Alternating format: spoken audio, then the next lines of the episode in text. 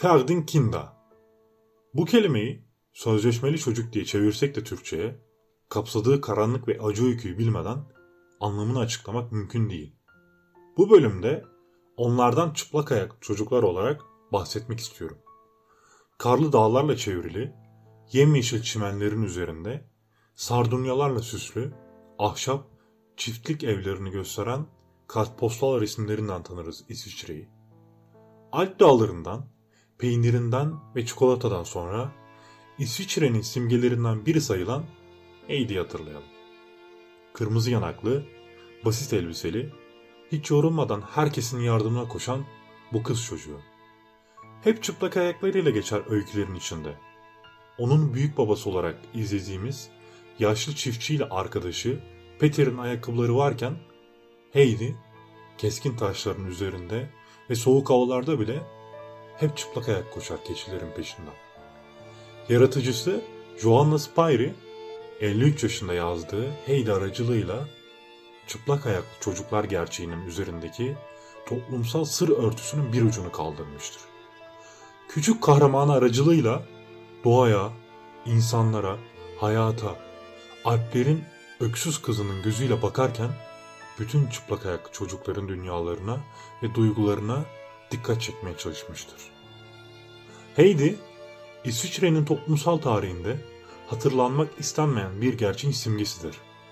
Ve onun çıplak ayakları bugün çocuklara karşı işlenmiş bir suçun yarattığı utancın üzerinde koşuyor. Heidi çıplak ayaklıydı. Çünkü çıplak ayaklar erkek ya da kız bütün köle çocukları diğer çocuklardan ayıran keskin uçurumun simgesiydi. İsviçre'de 1789 yılında 14 yaşından küçük çocukların fabrikalarda çalışmaları yasaklandı. Ama çocuk sömürüsü için yeni bir kapı açıldı ve İsviçre 18. yüzyılın sonundan 1960'lı yılların başına kadar çocuk emeği sömürüsünün örneğine az rastlanan bir biçimine uygulama alanı oldu. Devlete borcu bulunan ya da boşanan çiftler, fakir ailelerin çocukları, yetimler, ailesi cezaevinde olan ya da kendisi suç işleyen çocuklar, devlet ve kilise vasıtasıyla çalıştırılmak üzere başka ailelerin yanına yerleştirildi. Ancak 1974 yılında yasayla kaldırılan bu uygulamada papazların önderliğinde ailelerden toplanan çocuklar çiftliklere kiralık olarak verilir veya şehirlerde kurulan çocuk pazarlarında 4 yaşındaki çocuklar bile ev ve çiftlik işlerinde çalıştırmak için satışa çıkarılırdı. Bu andan itibaren çocukları arayan, sorunlarını dinleyen, tecavüze uğradıklarında ya da işkence gördüklerinde sahip çıkan olmazdı. Çünkü toplumun gözünde onlar suç işleyen, boşanan, fakir, düşmüş, ailelerinden kurtarılmış çocuklardı. Böylece ahırlarda hayvanlarla birlikte yaşayan, çoğu kez bir çuvaldan ibaret elbiselerin içinde hemen hemen her zaman aç olan bu çocuklar toplumsal hayatın olağan sıradan bir parçası olarak kabul görüldü. Bunun bir tür kölelik sistemi olduğu idrak edildikten sonra bile uzun zamanlar boyunca İsviçre'nin konuşmaktan dahi kaçındığı bir tabu halinde üstü örtüldü.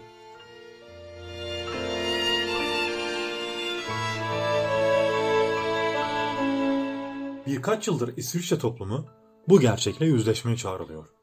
Çünkü köle çocuklardan bugün hayatta olanlar bu tarihsel utancı tanıklık ederek o dönemin hiç olmazsa vicdanlarda yargılanması yönünde güçlü bir kamuoyu baskısı oluşturdular. Özellikle 1998 yılından itibaren Olton şehrinde yaşayan birkaç tarihçi bir zamanlar tabu olarak adlandırılan bu gerçeğin konuşulmasını sağlamak üzere yaşayan bütün çıplak ayak çocuklara ya da yakınlarına ulaşmak için çalışmalara başladı. Bu işe gönül verenlerden biri tarihçi Marco 10 yaşındayken babası kendisinin bir Felkinda olduğunu açıklamış ve yaşadıklarını anlatmış. Bugün oğlu canla başla bu karanlık tarihin ortaya çıkarılması için emek harcıyor. Özellikle 2009 yılındaki Feakinda Redden adı verilen sergiyle ilk defa bilimsel çalışmalara, konferanslara, canlı tanıklıklardan oluşan açık oturumlara konu edilerek sonra operaya ve ilk defa bir filme de uyarlanarak konu gündemde tutuluyor. Bu etkinlikler sonucunda 11 Nisan 2013'te devlet resmi olarak özür diliyor. Çıplak ayaklı çocuklar bir zamanlar çocukluklarının çalındığı bu yerde konuşarak tüm çiftliklerden hesap sorarcasına yaşadıklarını anlatıyorlar. İsviçre'ye ve dünyaya Basel Üniversitesi'nden Willy Mather açılışta şimdiye kadar yapılanların ses getirdiğini açıkladı. Toplumun konuya duyarlılığını arttırdığını, çok sayıda okulu ziyaret ettiğini ve şimdi bir adım öteye geçerek 30 Mart 2014 yılında parlamentonun önünde yapılan protesto gösterisinde Feakinda ve yakınlarının maddi tazminat istemelerinin sevindirici olduğunu açıkladı.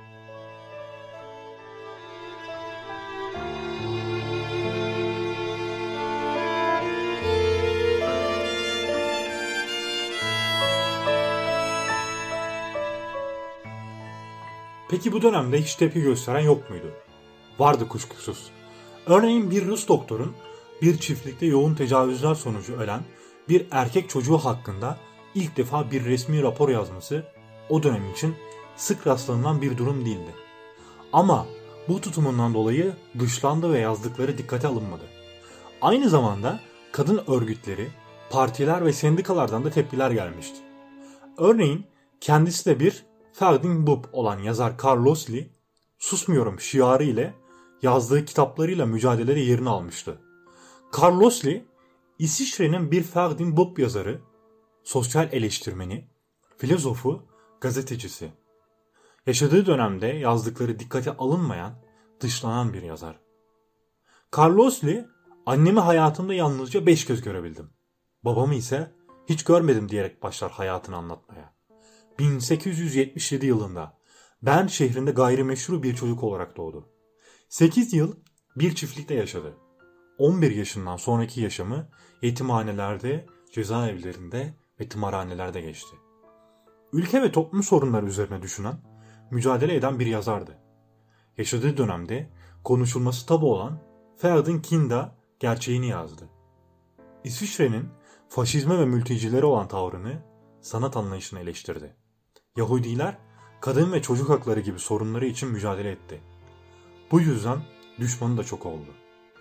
Onun evlilik dışı çocuk olmasından dolayı devlet ve kilise tarafından kendisine layık görülen yaşamı İsviçre'nin karanlık bir dönemine tanıklık eder.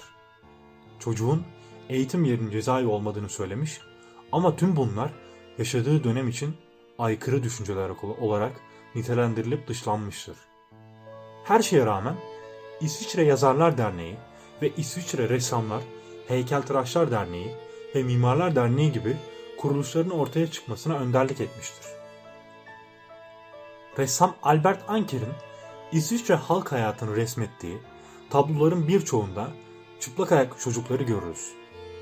Bu kere çocuklar sokakta, evlerde, çıplak ayakları, düşük omuzları, soluk benizleriyle o kadar ortadalar ama bir o kadar da görünmez olmuşlar ki biz bu tablolarda onları özellikle okul konulu resimlerinde diğer çocuklarla birlikte ama onlardan hemen ayırt edilebilen özellikleriyle görürüz.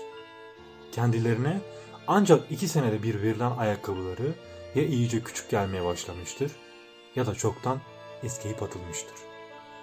Büyüme çağındaki bir çocuğun ayakları için iki sene kısa bir zamandır.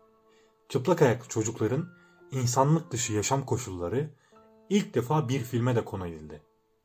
Bu gerçeği yaşamış 10 bine yakın insanla yapılan röportajlardan doğan senaryo, Marcus Imboden tarafından çekildi ve 2011 tarihinden itibaren gösterime girdi. 103 dakika süren film, puslu, karanlık bir havada, köyden uzakta, yeşillikler içinde bir çiftlikte taşınan bir tabut görüntüsüyle başlıyor. Dayağın, soğuğun, küçük bedenlerin taşıyamayacağı işlerin, bitmeyen çalışmaların yaşandığı çiftlikten çıkmaktadır. İçinde 10 yaşında bir kız çocuğu vardır. Ev işlerinin yorucu çalışmaların ardından geceleri evin oğlu tarafından tecavüze uğramıştır. Köle kız hamile kalmıştır ve rahibesi çocuğu düşürmeye kalkmıştır. Kanaması olur, doktora götürülmez. Bir rahip sorgusuz sualsiz tabutu alır gider. Film o zamana kadar kendi gerçeklerinin kabuğunda yaşayan pek çok insanın konuşmasını sağladı. Örneğin Leeds şehrinde oturan Hugo Zink, filmin gösteriminin ikinci gününde ben de o cehennemi yaşadım diyerek bir gazeteye yaşadıklarını anlattı.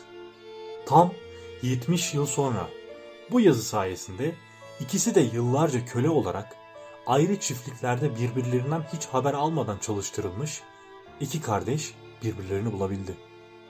İsviçre Çiftçiler Birliği o günkü çocuklardan özür diledi. Turgay yönetimi zamanında bölgede çalıştırılmış tüm çocuklar için resmi olarak özür diledi. Şimdiye kadar bu ticarete aracılık yapan rahipler adına sadece Luzern Katolik Kilisesi özür dilemiş durumda.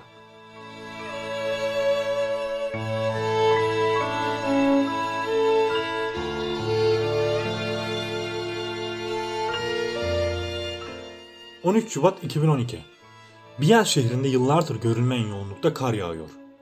Yerel gazeteye verilen küçük bir ilanda Biel şehir kütüphanesinde yapılacak söyleşi haberi var.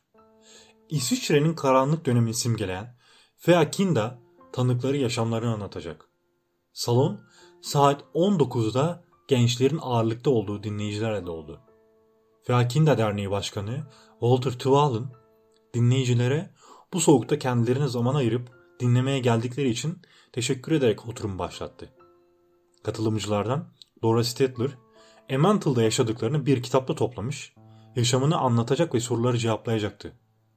Ama ne yazık ki kendisi düşüp dizini incittiği için katılamadı. Onun yerine dernek başkanı onun kitabından bazı anıları okudu. Dora Stedler İki kardeşiyle birlikte Emmantle'a bir çiftliğe kiralık olarak verilir. Tarih 1934. Artık burası sizin eviniz diyerek çocukları bırakırlar. Yeni bulduğu arkadaşı Carl ile yaşamına sorunsuz ve engelsiz devam etmek istemektedir. 7 yaşındaki Dora, annesinin bavula koymuş olduğu elbiseleri tam 4 yıl giyer. Kendisine 2 numara büyük gelen ayakkabısını 1 numara dar gelene kadar kullanmak zorunda kalmıştır. Babasının getirdiği kıyafetleri ise çiftlik sahibinin çocukları giyer. Babaları onları geri almak için tam 4 yıl boyunca mücadele eder. Sahip çıkar ve sonunda mücadelesini kazanır. Annesinden hep nefret eder. Yıllar sonra bu kitabı yazar. Charles Probst 79 yaşında. Annesinin çıplak ayak çocuk olarak yanında çalıştığı çiftçi tarafından tecavüze uğraması sonucu doğmuş. Başka bir bakıcı aileye verilmiş. Annesinin kaderi onun da geleceği olmuş. Yıllarca saat dörtte kalkarak ot biçmiş. Ahırda yaşamış, yıllarca dişlerini fırçalayamamış. İç çamaşırı olmamış. Hasta olduğunda doktora götürülmemiş. Cinsel istismara uğramış. Sabahları verilen kuru ekmeği soğuk suya batırarak yemek zorunda kalmış. Uzun yıllar sakladığı bu gerçeği artık tüm İsviçre çapında yapılan toplantılarla anılarını anlatarak sorulan soruları cevaplandırarak bu karanlık dönemin aydınlatılmasına katkıda bulunmuş.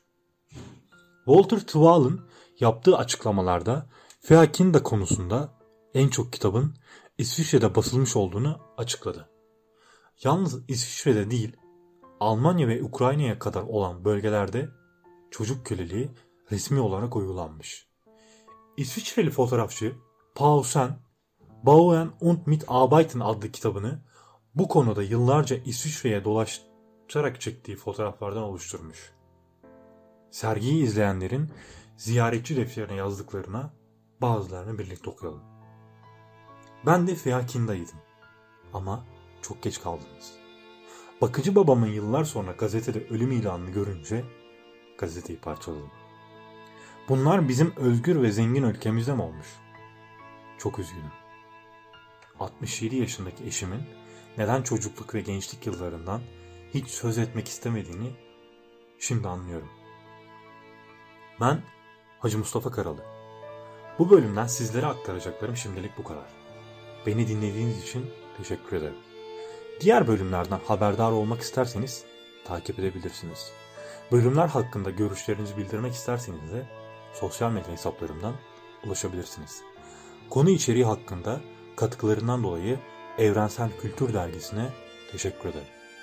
Sanırım söylemem gereken bir şey kalmadı diye umuyorum. En kısa zamanda yeni bölümde görüşmek üzere. Hoşçakalın.